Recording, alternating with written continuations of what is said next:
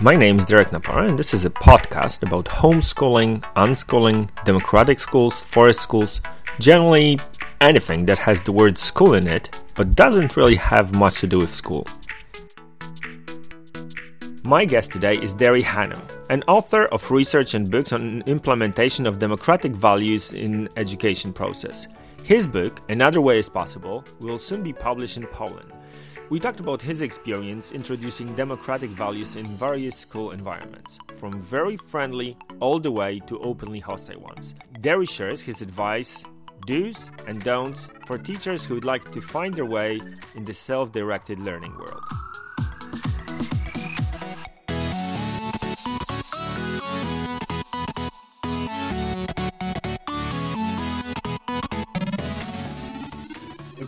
Let's go. Derry, um, the, the first thing that I always do uh, during the meetings with people in my podcast is to ask the question that you guys in England and States ask all the time, which is, How are you?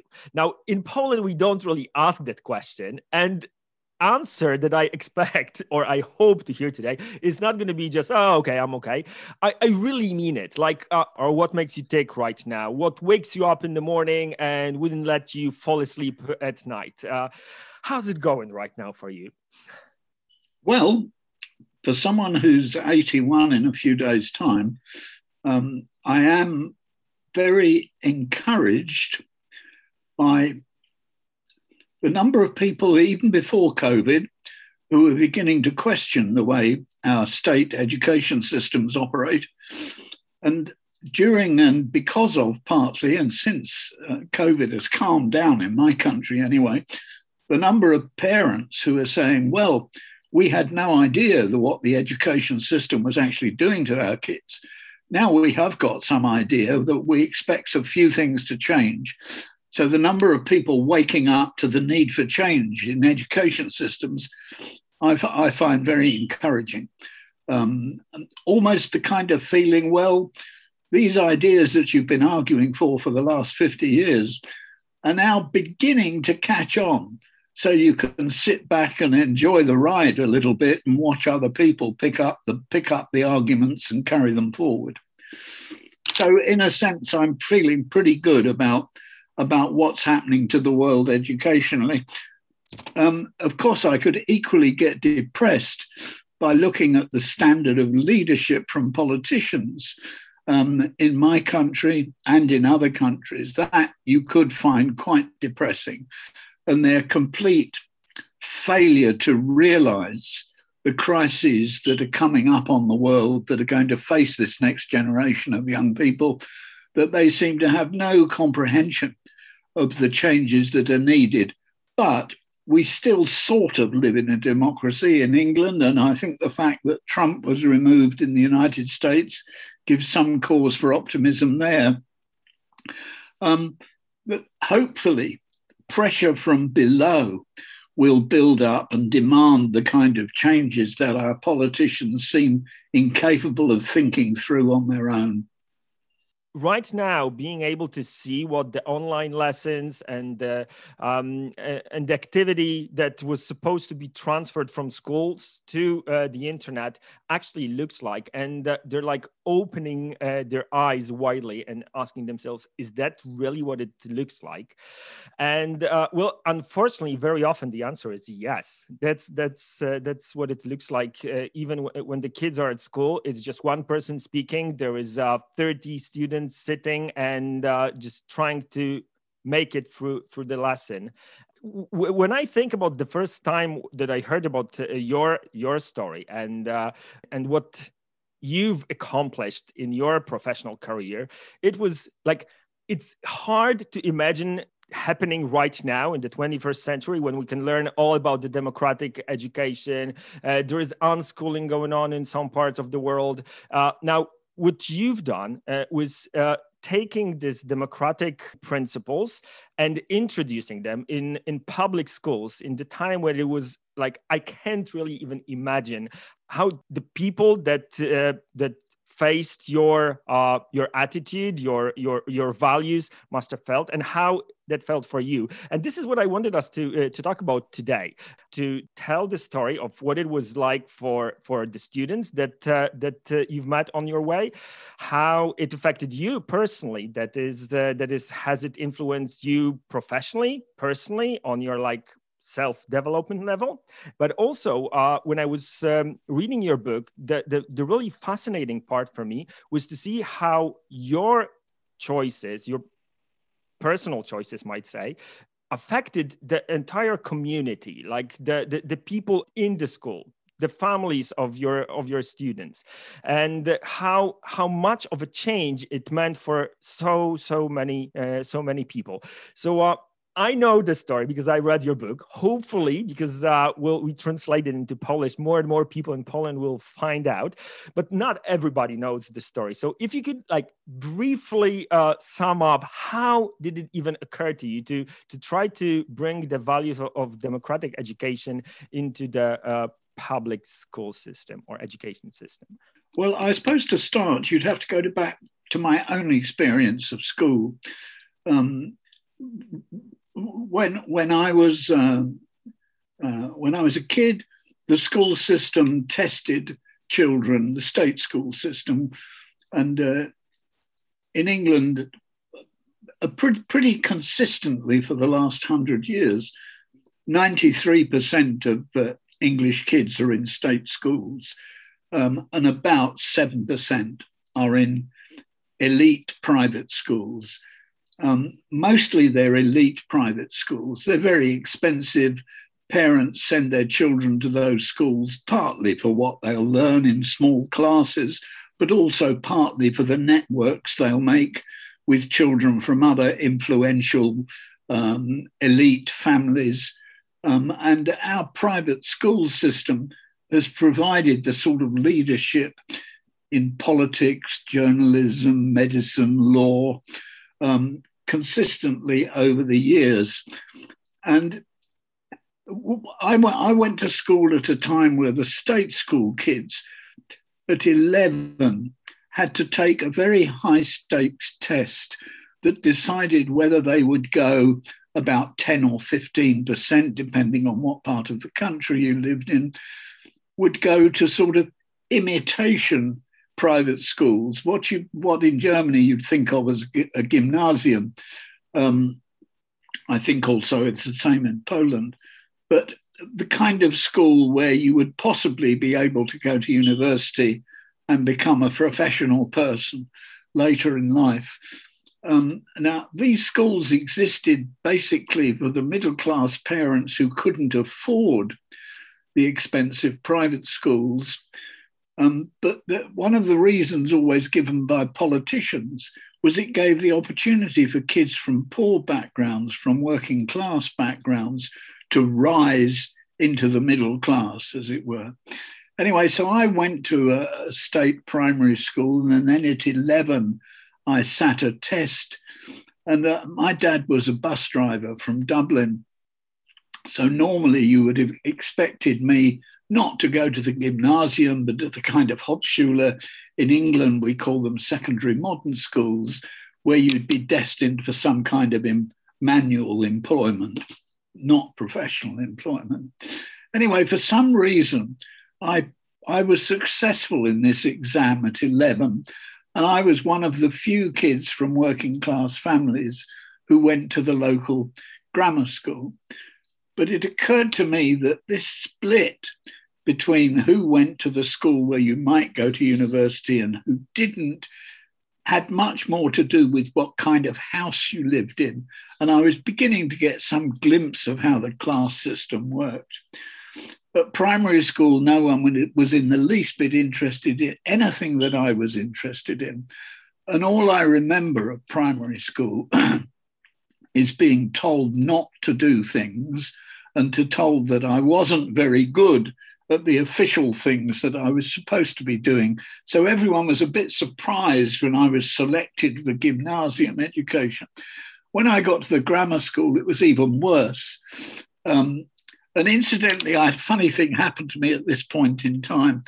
Because I got an exceptionally high mark in this test at 11, I was actually um, uh, invited to go for interview for at two very expensive private schools. They're called public schools in this country because when they were founded in the 15th, 16th century, they were meant for the poor kids of the area, but they've been completely taken over by wealthy people. So our, our elite private schools are also called public schools for historical reasons. Anyway, I was invited to go to be interviewed at two of these places. And uh, my father was sent a form that he had to fill in because I could go for the interview. And the first question on the form was, What is the father's occupation? and my father was so offended by this, he wrote, or he told me, he wrote, None of your fecking business. Uh, strangely enough, I didn't get a place at the schools. Very peculiar that I've never quite understood it. Oh. But all through all through my grammar school, I was being asked the question when I had to make a choice, for example, between Latin and German. Um, my father said to me, "Ah, sure, you might want to." You might want to be a priest, you know, which was pretty remotely unlikely for my for me. But you might, so you should do the Latin.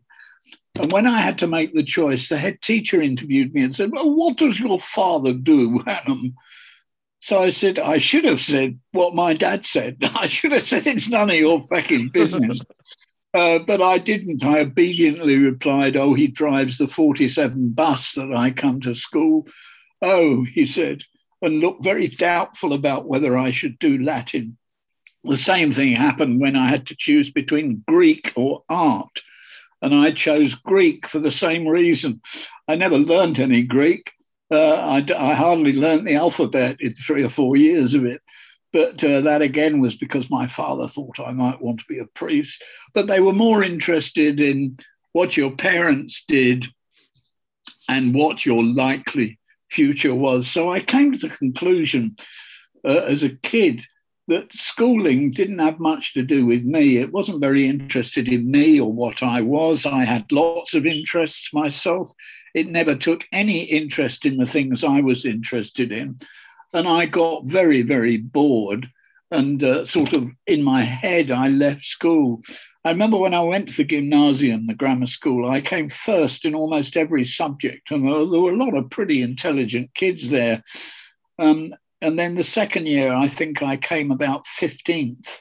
And then the third year, I came 30th, which was only 30 kids in the class, so you couldn't get much lower. Nobody ever bothered to find out what, what's going wrong here, you know. So when I finished my education, I felt that it had all been pretty much a waste of time. And it shouldn't have been like that. I remember thinking as a kid, I can learn masses of stuff if I'm interested in it. Why on earth don't they bother to find out what I'm interested in? I remember having that thought from when I was about 12 or 13 onwards, and it never, left me. Instead of going to university, I left school as soon as I could. The school was glad to see the back of me, and I was glad to see the back of the school. And I did all sorts of boring jobs. But then um, became very interested in, uh, I don't know, some radical political ideas, I suppose. And education was one of the things that had always interested me. Um, and I worked for a while in a psychiatric hospital with young people. And this hospital was what was called a therapeutic community. The treatment was basically sitting round together, chief doctor, junior assistant nurse, uh, latest patient, everyone was on first name terms. And the treatment was basically talking about life and how to sort out your problems and live more effectively. There was very little use of drugs. There was no use of electric treatment and there was no use of brain surgery, even though this was a regular state hospital. And I remember thinking, why on earth aren't schools like this? Where people just sit around and talk about life and follow up on things they're interested in. And this was the 60s. And this kind of approach to psychiatry was becoming quite popular. There was a radical psychiatry movement. And uh, I didn't earn enough money as assistant in this hospital, so I thought I'd better do something to earn a bit more money. I was getting married and we had our first kid. So I thought, well, I tell you what, I'm going to try and see if we can take these democratic community ideas and I'll become a teacher because that was a way that was open to me. And then teacher training was pretty awful too. I remember sitting there through psychology lectures, and the psychology lecturers went on about Skinner, you know, and his, his rats, and we learned all about Pavlov and his salivating dogs. And I remember sitting there thinking, I don't want to teach rats or dogs. I've come into this game to teach kids. Why the hell am I sitting through all this stuff? And so I was a pretty obnoxious student, I think, and asked lots of hard questions.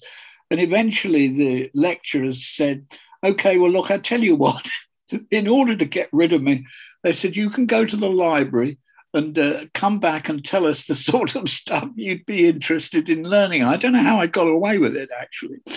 And so I went to the college library and I discovered books by A.S. Neill, Homer Lane, John Dewey, um, Tolstoy, all kinds of Bertrand Russell, all kinds of people who'd started different kinds of schools. And I thought, this is it. This is what I'm really interested in because these schools didn't want to coerce. They were trying to create non compulsory environments in the school where the kids could develop their own interests and make choices about what they would learn and how they would learn it. And I thought, wow, this is amazing. So, when during my three years at the Teachers College, I had to go out and spend some time working in schools. Um, I went, my first trip out was to a primary school. Uh, can I stop you just here for a second? Because I love this uh, this part of uh, of the story where you like uh, you learned about the the, the existence of uh, self directed education, like experiencing yeah. the lack of it as a young yeah. kid. Absolutely, absolutely. Yeah, you, you, you, go to school uh, and all the adults are telling you how wonderful of an experience it's going to be and you go there for the first time and you meet usually this lovely lady who's all nice and uh, and you feel so smart and so competent about the things that that you're excited about. And then like you said as the time goes on all of the sudden they, they you start to learn that what you think is interesting what you think is fascinating doesn't really matter. And uh, the school is all about t- doing what other people tell you you should learn or is going to be valuable or you will need as, uh, as an adult. And all of the sudden, from being this flourishing, excited kid who wants to learn about the world, uh, find out new things, you become that uh, the dull adult who's waiting for other people to tell him or her what to do and um, and is actually leaving school lost because well during the school they always tell you what to do and then all of a sudden you're out there in the world and there's nobody to tell you what to do.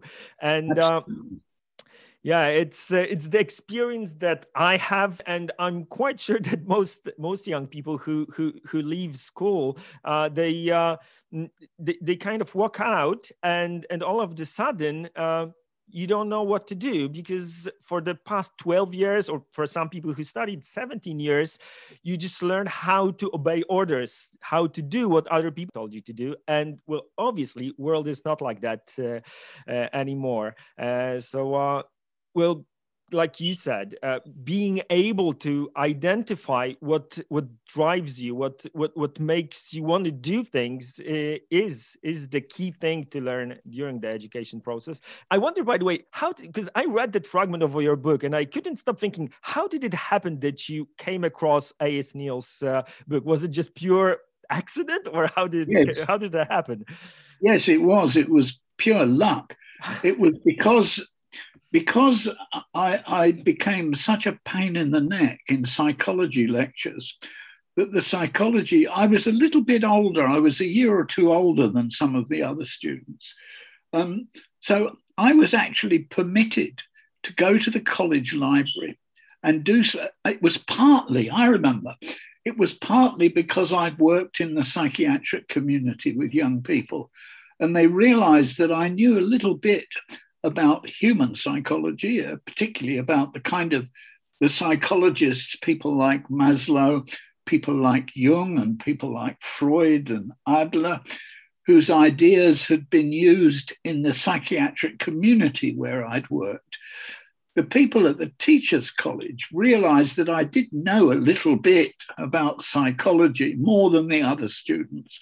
So, this is why I think I was allowed to go to the library and design, if you like, my own course. They had to approve it, but that I could, fo- I was allowed to follow my interests in a way that most of the student teachers weren't.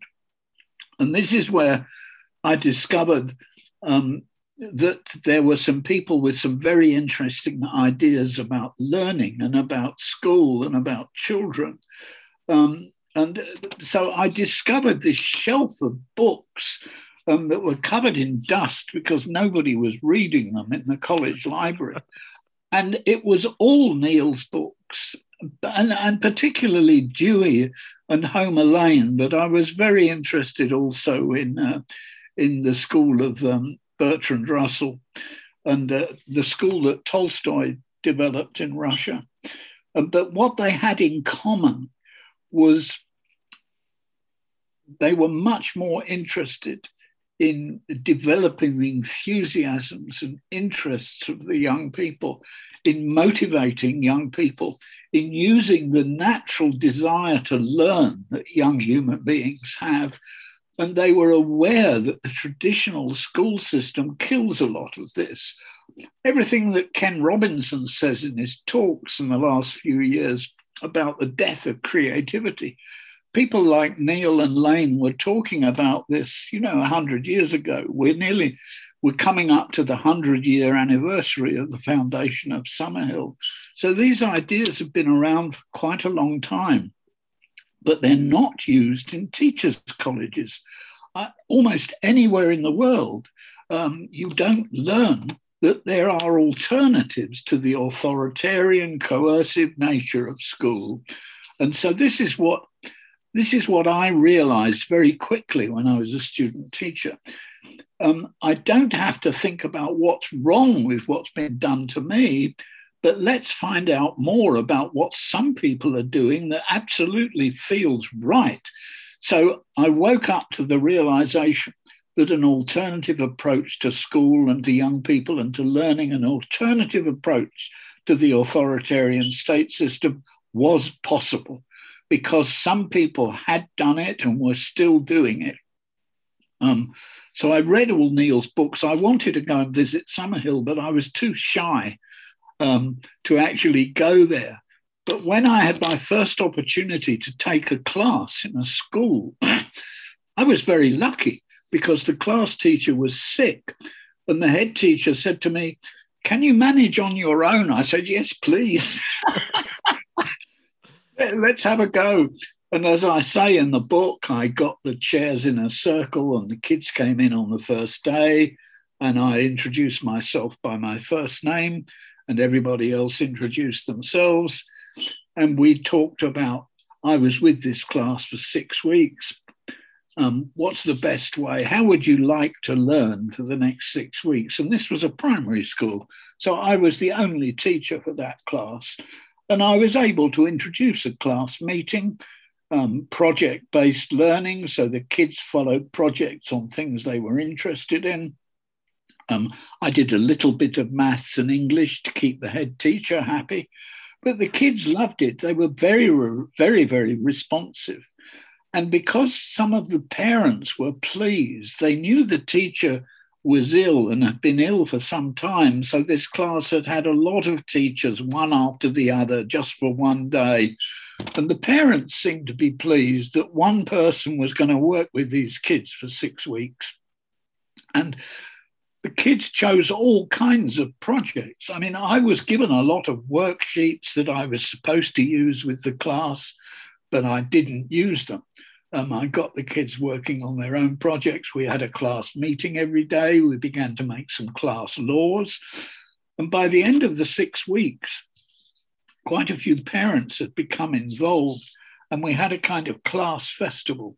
The head teacher was delighted. My, my tutor from the Teachers College was delighted, and it all went brilliantly well. But then my second experience in a school was in a very authoritarian secondary school.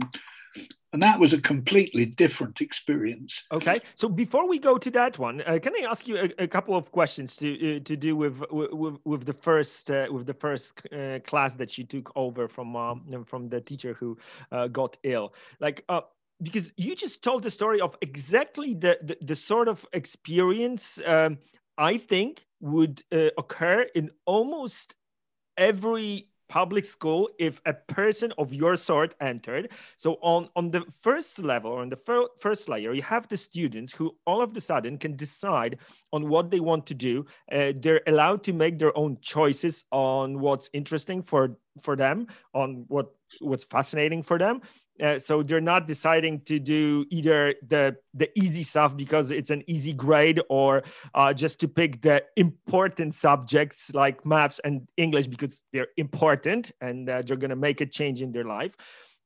Then there was the second layer where you got a chance to to test and to to find out what you learned at school and is it going to work in the real life environment with the kids with real life uh, students? And and then finally uh, the the parents or the families of the kids got involved in the process and got involved in what's going on in the school which I've been hearing forever that parents never care what's going on at school. They're they don't want to find out if their kids are even coming to school. So this is exactly the sort of um, experience that I think would occur if only there were people with enough guts um, to to take the uh, uh, to take the step. Now, the thing that is really beyond many people's imagination is what does it take to, to, to, to make this first step and to actually go and do it, to introduce this crazy abstract idea of letting kids learn what they want, when they want, and how they want. what was it for you? What was it? Well, I think it was it was the realization that it was possible because there were schools where this was happening. And I think one of the problems for many people training to be teachers is they never learn that it is possible to do things in another way. I mean, I, I think I was extremely lucky to have a head teacher who was so pleased to have somebody to look after those kids that he didn't bother to make a big fuss and find out what I was doing. And then once he discovered that one or two parents were saying, hey, something's going on in that class because my kid's coming home. I remember there was one girl whose mother made wedding dresses. And this girl was fascinated by fashion. And she was particularly fascinated by the history of weddings. And we, we had trouble finding books for her because this was before the days of the internet. And she came in one day and she said, I've been talking to my mum about where she learned how to make wedding dresses would it be okay if my mum came in and talked to the class? And I said, oh, this is wonderful. Yes, bring your mum in.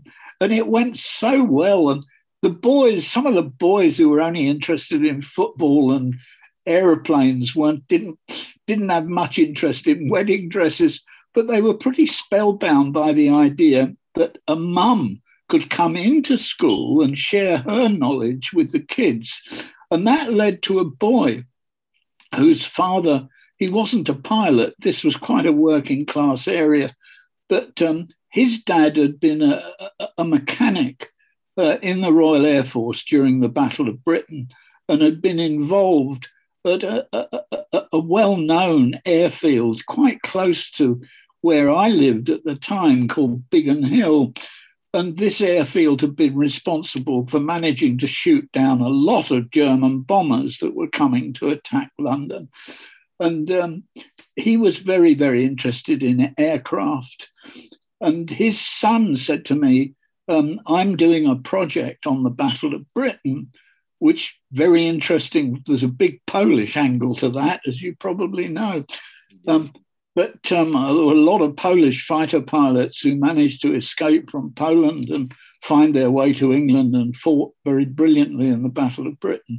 But anyway, this boy said, Can my dad come in? And he'd been making model aircraft as his project, and he was flying these blooming aeroplanes around the classroom. And uh, anyway, his dad came in and talked about um, the Battle of Britain, which had been 15 years previously, 20 years previously. And the kids were terribly interested. And this got back to the head teacher that parents were coming in and talking to the class. And of course, that was very popular with other parents and it caught on. I should think not all the parents, but there were 34 kids in the class, and we probably had five or six parents come in over the six weeks um, that I was there. Um, not all the kids, I should say, if you say to kids, What would you like to study? Not every kid knows, especially if they've never been asked that question before. So I had all sorts of worksheets and materials prepared. And also, the school had given me a lot of stuff. So the kids who didn't really know what they wanted to do the first thing I would say, well, is there somebody else that you'd like to work with who does know what they want to do and you could help them?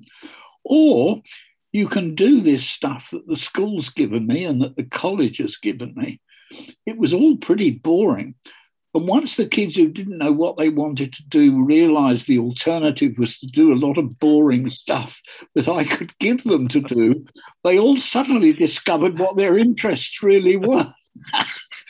and I did that. I've done that ever since uh, with young people. I've said, look, you don't have to be interested in anything at all. You don't have to have any ideas about what you want to learn.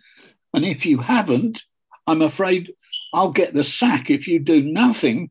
So I will give you some stuff. And once they saw how boring that stuff was, as I say, they quickly discovered their own interests.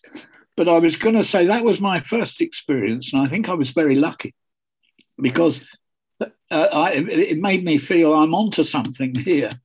Um, and so, although my second experience was terrible, and I was pretty well thrown out of secondary school for doing it, um, I kind of had the confidence to press on.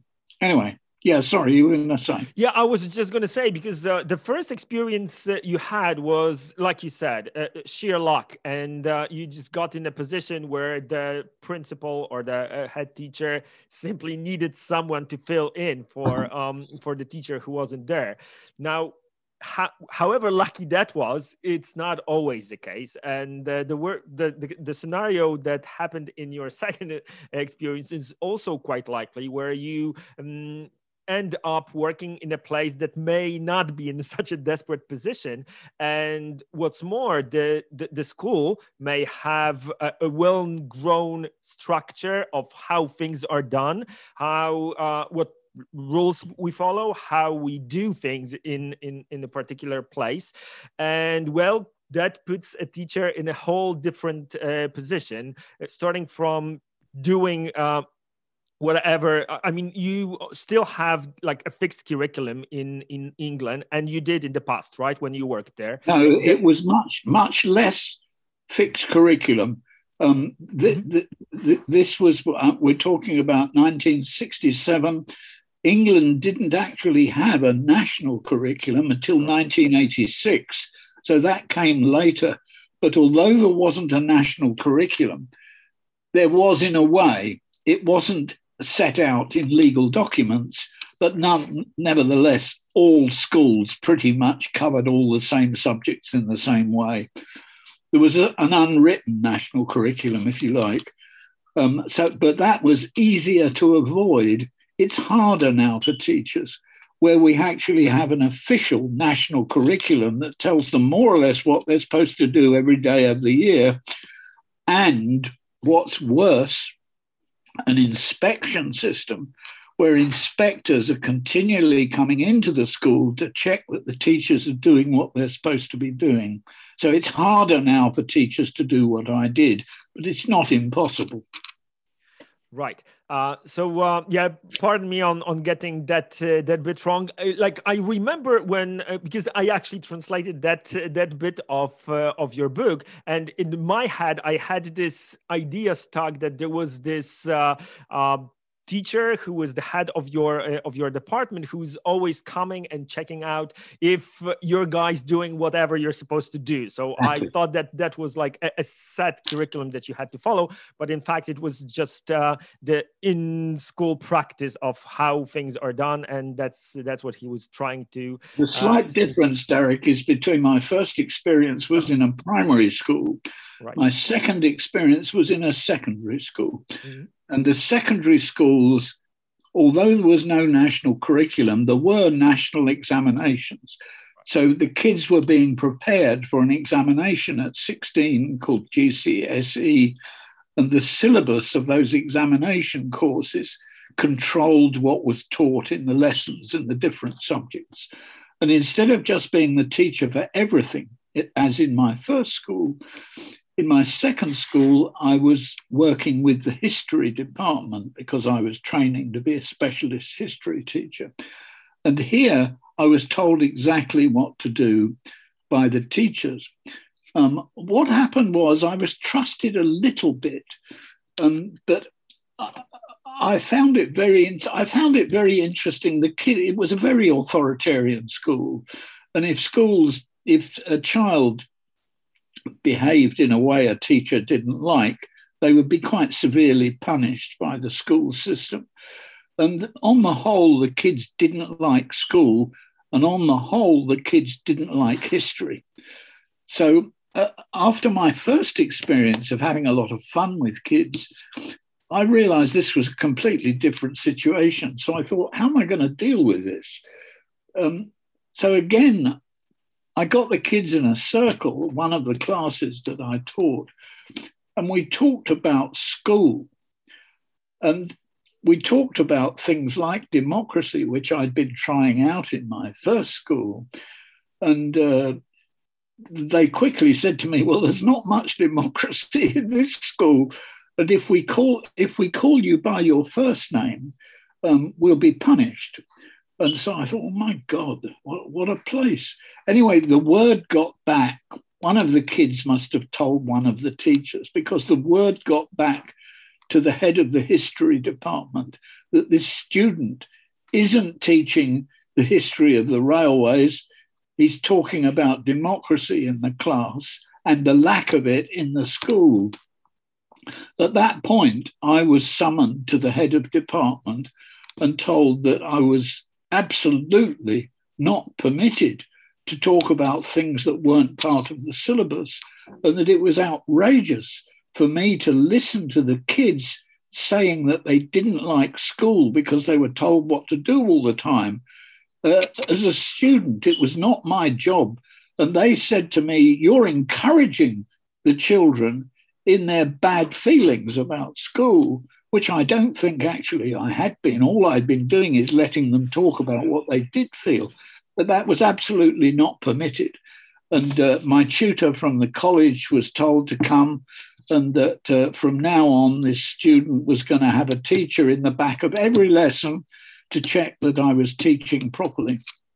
Something else I wanted to do, I wanted to get the kids to do some of the teaching. So I was teaching the Industrial Revolution, and if there were some kids who were interested in railways, my idea was that they should teach a lesson about the development of railways. And that I was absolutely forbidden to do that. I was told there was no way I was allowed to, to allow the students to do any teaching.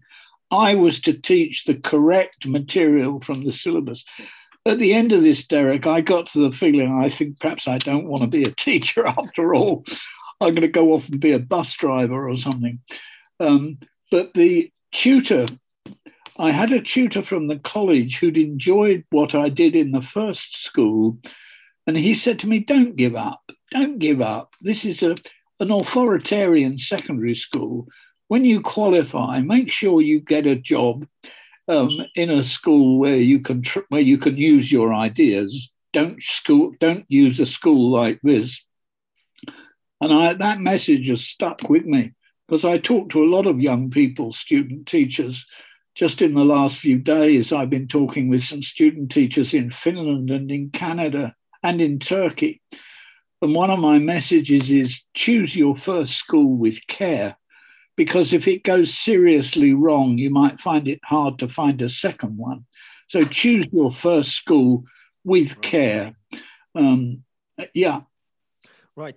Uh, I, I have a question about uh, this fragment actually, because um, I remember that uh, in your book you, you you mentioned that several times you failed to kind of keep in touch with uh, either with uh, your head teacher or with tutors or with the principals of schools. And i wonder how you feel about uh, that right now because on the one hand like being open and upfront about what you want to do when you introduce such revolutionary ideas into a school sounds like a reasonable choice when uh, you feel like there's people who are going to back you up.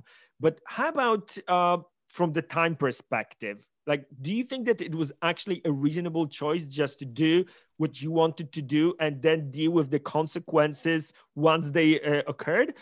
Or would you rather recommend doing uh, the opposite and just you know uh, telling before being hired telling the, the, the principal that you would like to try out this this different approach to the relationship between uh, the teacher and the students and uh, simply be open uh, about it before you start work How, what would you recommend to, to students well, teachers if, if you choose the right school um, i mean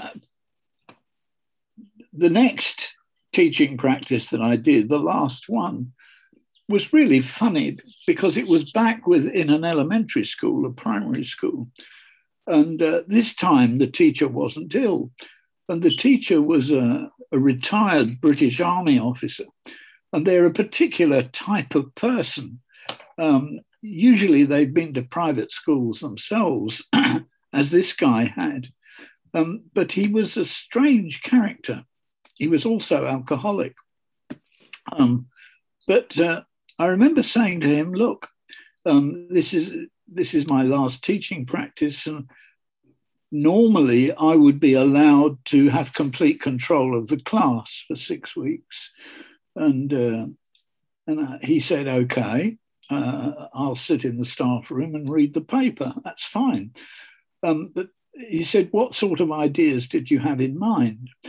And I very tentatively said, well, for some of the time, I'd be quite interested in finding out what the kids want to do. Hmm, he said, that's an interesting idea. That's an original idea. I've never heard anybody suggest that before. Anything else that you'd like to try? and I said, well, yes, I'd quite like, I don't want to make life difficult for you after you take control of the class again, but I'd quite like to start having a class meeting so that we can perhaps create some class rules just to see how it goes. And uh, he said, hmm, so I've never heard that idea before either. but instead of saying over my dead body, he said, would you mind, he said, if I came and joined in some of this? Because it all sounds quite interesting. It could be quite fun. And I thought, well, what the hell do I do? I don't want this ex army officer in my class. I, want him to go on a holiday for six weeks. but I said, yes, okay. I couldn't really say anything else. Anyway, it worked brilliantly. Um, this guy was up for everything. And because he was so experienced, it, it made it easier for me because once the kids could see that our normal teacher thinks all this is worth a try, it made them even more enthusiastic. And so we worked together for six weeks with those kids. And once again, parents got involved. The head teacher was delighted. Um, so that was uh, perhaps an example of go carefully, but nonetheless sort of tell the truth. Uh, but again, my advice to people is um, choose your first school with care. And here again, I was extremely lucky. because I thought I was going to have to work in a primary school. I didn't think there was any future for me in secondary schools. They tended to be much more authoritarian with a rigidly controlled school discipline and school curriculum. Whereas in the primary school, you had a lot more freedom. Um, so I was looking for jobs in primary schools and I couldn't find one. But I found a job in a secondary school where the head teacher wanted to. This was a secondary school where kids had failed the examination at 11, called a secondary modern school. And this head teacher had two ideas in mind. He wanted to, with the first year kids, the 11 year olds coming into the school, he wanted to maintain the kind of continuity um, of teacher contact of the primary school, where one teacher worked with a class. The, the change to secondary school, where maybe 10 teachers for different subjects will work with the same class. So the kids, nobody gets to know the kids in the secondary school in the way that the primary school teacher does. He wanted to help the kids overcome the trauma of failing this examination by creating some of the relationship possibilities of the primary school with the younger children in the secondary school. So, my job was to teach English, history, social studies, religious education, and, uh, and history um, to one class about 60% of their school time. And this was a kind of attempt to create a bridge between primary and secondary. Now, I was unbelievably lucky in finding this school um, because it gave me the opportunity, uh, because I had control of 60% of the week for these kids, I could really try out the kinds of things that I'd done in primary schools. When the head teacher discovered that the kind of approach I wanted to make was not to teach history, geography, social studies, etc., as separate subjects, but to create projects that integrated all this, all these approaches. He was very excited about that, and that was something he wanted to see. But the heads of the departments in the school didn't want it. So already I had the head teacher protecting me from the heads of department who would have criticized my approach. I didn't realize what a strong position this put me in until I began working in the democratic way. The head teacher didn't entirely understand what I had in mind. I think my ideas were much more extreme, if you like, um, than his dream. But it was his dream plus plus, if you like. Yeah. And he was so pleased to see his dream being implemented that he gave me much more freedom. Looking back on it, I think he was crazy um, because there were seven teachers, there were seven classes of these kids, all the same age, of 11 year olds, big classes, 35 kids. Um, some of the teachers were much more experienced than me, and one or two others were beginners but there were none that had my ideas of a school democracy, a class democracy. I was really the only one. And as you know from the book, I did it. And right from day one, I have to say it was very successful. The kids became extremely motivated. They worked very, very hard. And the same thing happened as in the primary school. The parents began to say, up till now, my kids hated school. They've never looked forward to going to school. And we thought it was a catastrophe that they failed the examination at 11. But now they're loving coming to school. They're working massively at home because they want to, not because they've been told to. They're asking us questions at home. This is so interesting because suddenly the ki- our kids are showing an interest in what we know as parents that they've never done before. So there, my problem was explaining what I was doing to the other teachers, but I had support of the head. Um, yeah, well, as you know, he read the book. I thought I'd get fired. Um, I didn't. The second year, I got put in charge of all seven year, all the seven classes. Yeah. So we created a kind of learning community with all the seven classes. Kids were working on their projects, and the kids could choose which teacher to go and work with who was the most useful for them. I mean, every teach, every kid was in a class that was based with one teacher. But because all the humanities classes were scheduled at the same time, and because they were all in the same part of the building, it was possible for kids to go and get ideas and advice from other teachers. And as, as I said, this was before the days of the internet. So, getting, if a kid was interested in something quite obscure, like the flying fish of New Zealand, South Island, or something, uh, as we were seven teachers, between us, we had a lot of knowledge. Uh, so it was possible for the kids to some extent choose their own teacher, yeah, which was excellent. And later, when I got uh, in charge of a department myself and then in charge of a school, I tried to encourage this approach with teams of teachers from different disciplines, different subjects, working together with large groups of kids. Right. So uh, the I love this this part of the story where you uh where where you where you're talking about like trying it out right? Because uh, like obviously the the what happens later on you can't really plan it that much. Uh the, the for me uh applying those democratic principles to to to my teaching uh, the, the most important part was to actually have guts to do the first step and just talk about it as an experiment. Let's see how it's going to work okay? It's not the decision that we're making forever forever and ever. It's not going to work the same way maybe it's not going to work the same way next semester. Let's see how it works for the next couple of uh, weeks couple of months.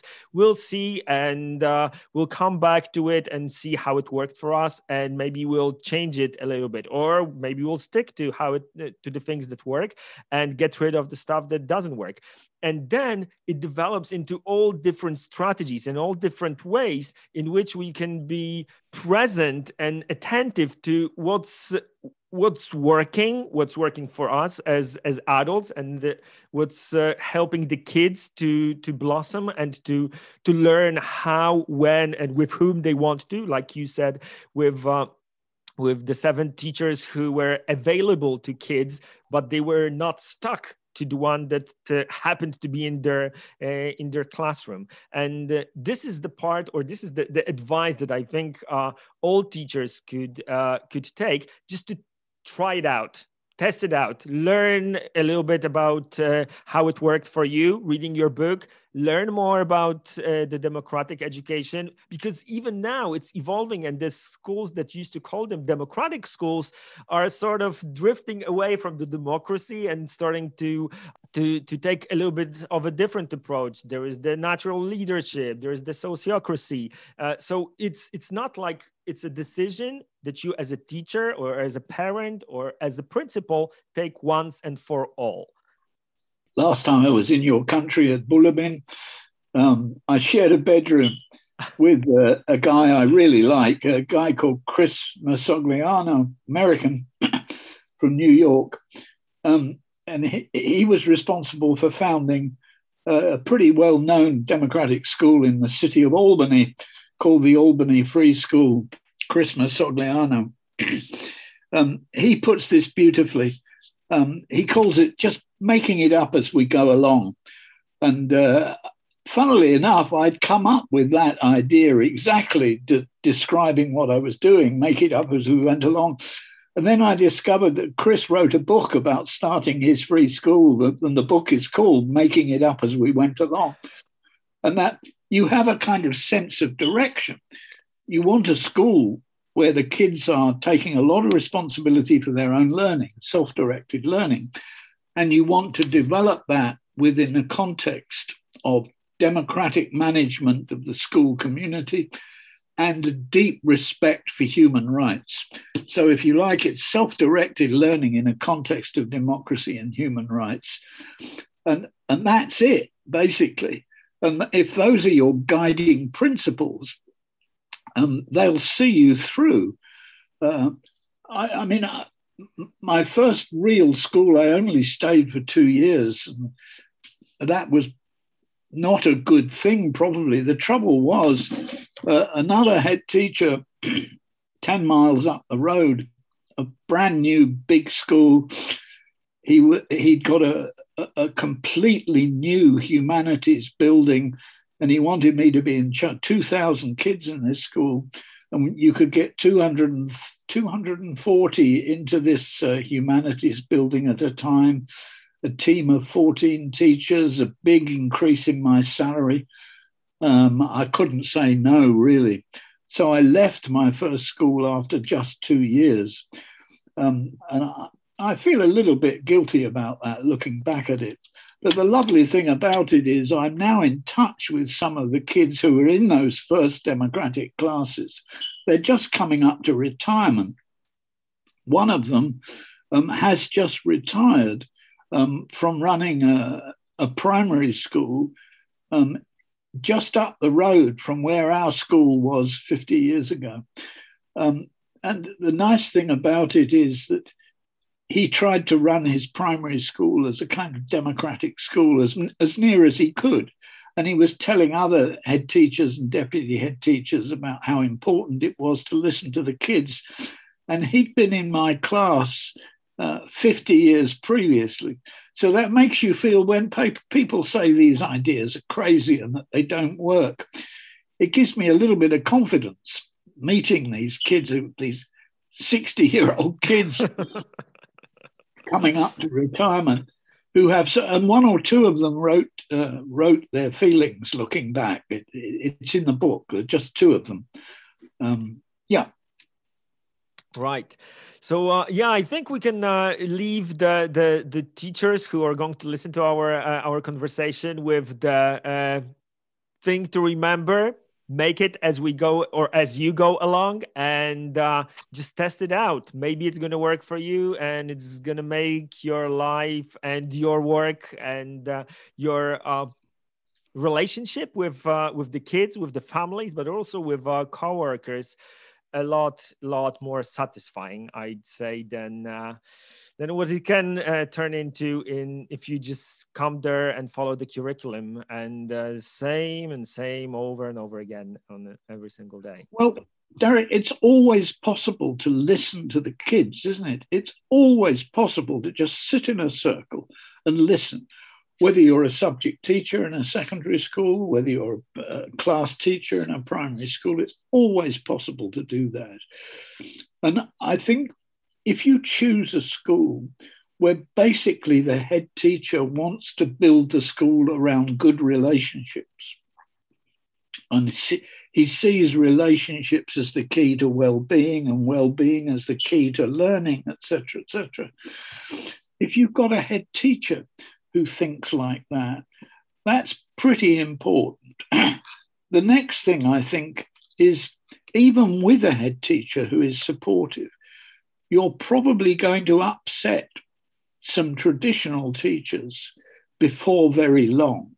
And in order to survive that experience, it's very important not to just sit on your own in the teacher's room, but to make contact with some other teachers who basically support what you're trying to do so that you can support each other.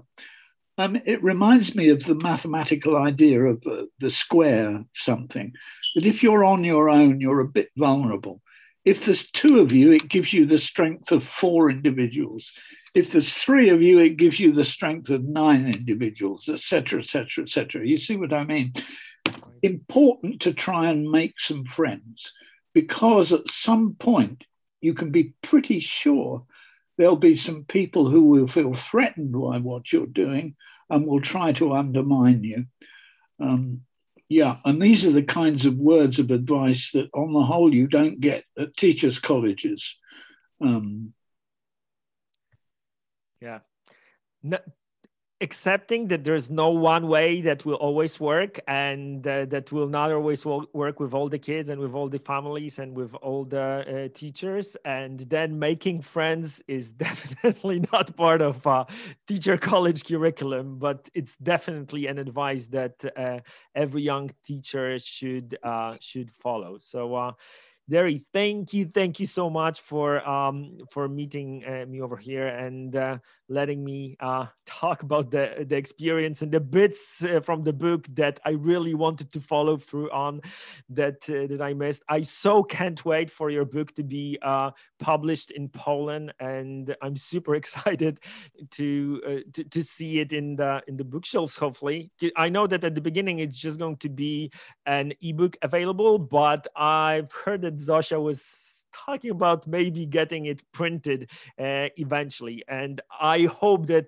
if that happens, it's going to be in every school library in, uh, in the country for the teachers okay. to just go and bump into, just like you did with uh, uh in your university. Um, I better watch out for the Polish Secret Service then. could I make one last small oh, comment? Please, please something we haven't, well, something I've referred to, um, but I'd just like to sort of sum it up the importance of parents. That when I became a head teacher, I realized that what you most enjoy listening to in the morning is some nice messages from parents saying what a good job the school is doing, or how nice Mrs. So and so is in the teaching of uh, pottery or whatever. Um, there's nothing head teachers like more than what I call good news from parents. And so when you start as a teacher, do try and get to know some of the parents of the kids in your class. And uh, don't be afraid to suggest to them that they might like to ring up the head teacher and say how happy they are. this had an incredibly good, very helpful experience for me in that first school, when I tried to work democratically, one of the things I had going for me was that these children had just been told that they were failures. At the age of 11, they had failed to get to the grammar school, the gymnasium. And so when their parents saw them beginning to regain their self confidence and enthusiasm as learners, and when they passed that on to the head teacher, it meant that even if some of the teachers in the school said that this Derry Hannam guy is a lunatic and you should get rid of him, the fact that some parents were on my side was very, very important. And that's remained to, true for all the schools that I've worked in. So get to know your parents would be my advice to a young teacher. Right. And that is actually uh, one of the bits that uh, is still lacking in um, teaching colleges. Like they don't teach you how to talk to, to the parents, right? Um, the, the, the part of democratic um, schools, uh, or the nice part about democratic schools, is that it's actually part of how the school works. Like, uh, right, you, you just uh, involve whole families in what's going uh, on in schools and there is uh, there's a space for the parents uh, to to just be present in what's going on in, in the school. So this is a really, really good advice. The only problem I faced was that uh, most of the time, the the parents who uh, decide to participate in the life of, uh, of a school are usually not the ones who should be there. Uh, so uh, sometimes the, the parents who would actually or who could learn the most or who should learn the most about what's going on in those schools are either don't have the time or don't feel the need to come over. So this is a, a challenge that uh, maybe not the young um, teachers, but as as you go on and you want to create this democratic community, either within a public school or even building a democratic school um, that's that's something to pay attention to. So like to make sure that the te- that the parents understand and know what is going on because very often they build this picture in their head of what's happening and then some stuff happens and all of a sudden oh i didn't know that it did work like no no no i'm not i'm not okay with that so um I think most parents want their kids to be happy and they want their kids to be successful. Some would put happiness before success, others would put success before happiness, others would say you can't choose between the two. But I think one of the things that's happened since I started as a teacher is the need for the kind of skills that come from kids making decisions about their own learning, these kinds of skills are becoming more and more crucial for the workplace. So the idea that, oh, you shouldn't waste time on democratic meetings or kids choosing to study something they're interested in. This kind of enthusiasm from young people and capacity to communicate and to work with others. These are the things that employers now are looking for just as much as examination results, I think. And more parents are kind of waking up to this. i and something else, I did some research for the government. I won't explain why, it was quite complicated reasons, but for the minister about 20 years ago, which showed that schools that take more care over listening to the kids, that give kids the opportunity to make decisions, to function in democratic decision making, and have some control over their learning, even by the traditional outcomes of school systems, these schools are the most successful ones. More kids get better grades in the tests in these kinds of schools. More kids have fewer days away from school, and fewer kids get thrown out of school, excluded for antisocial behavior in the more democratic schools. And so that's one line of argument. Another line of argument that I'm taking is in order to develop these skills, we should, we should allocate at least 20% of cur- curriculum time in all schools to the interests of the kids. And some countries are waking up to the importance of this. Switzerland, for example, has a new law saying that schools are only allowed to use 80% of curriculum time on the official curriculum. They have to do other things with the other 20%. So, this idea of 80 20 is becoming quite an important idea. And I've discovered that Google, if you go and work for Google and you get a job at Google, You'll only be expected to do what the job requires for 80% of your time. The other 20%, you'll be encouraged to develop new ideas, new thinking, follow your own interests that might or might not be of benefit to the company. But they're experiences that people who are learning, who are interested in pursuing new ideas, new thoughts, these become the most valuable employees of the company. So the idea of self directed learning is becoming more and more important, I think, and recognized by many employers as being important for the future. I mean, we've got some awful problems facing us in the future, haven't we, with climate crisis, um, pandemics, etc., etc. To develop the creativity of young people is terribly important. So the 20% idea as a start I'd like to see schools give the kids 20% of the time to develop their own ideas. And then I'd like to come back to that school five years later and find that the 80 20 has actually been turned around and the official curriculum is 20% of the time and kids are following their own interest for 80%. But it's a start. And I think it's a realistic thing to require of all state education systems.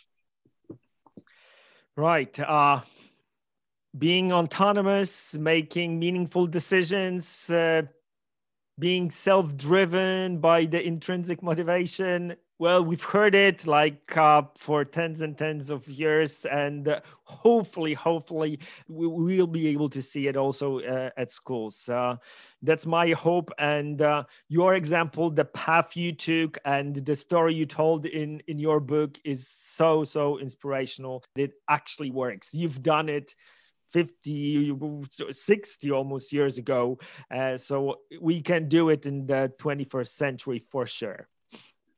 Okay and i'm incredibly grateful for the work that you and zosia and mariana etc are doing. It's i really really appreciate it and uh, thank you.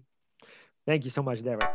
thank you for listening to Prana podcast if you're interested in any of the topics we mentioned in the episode, or you would like to find out more about my guest and my work, you will find the links in the description of the episode. See ya!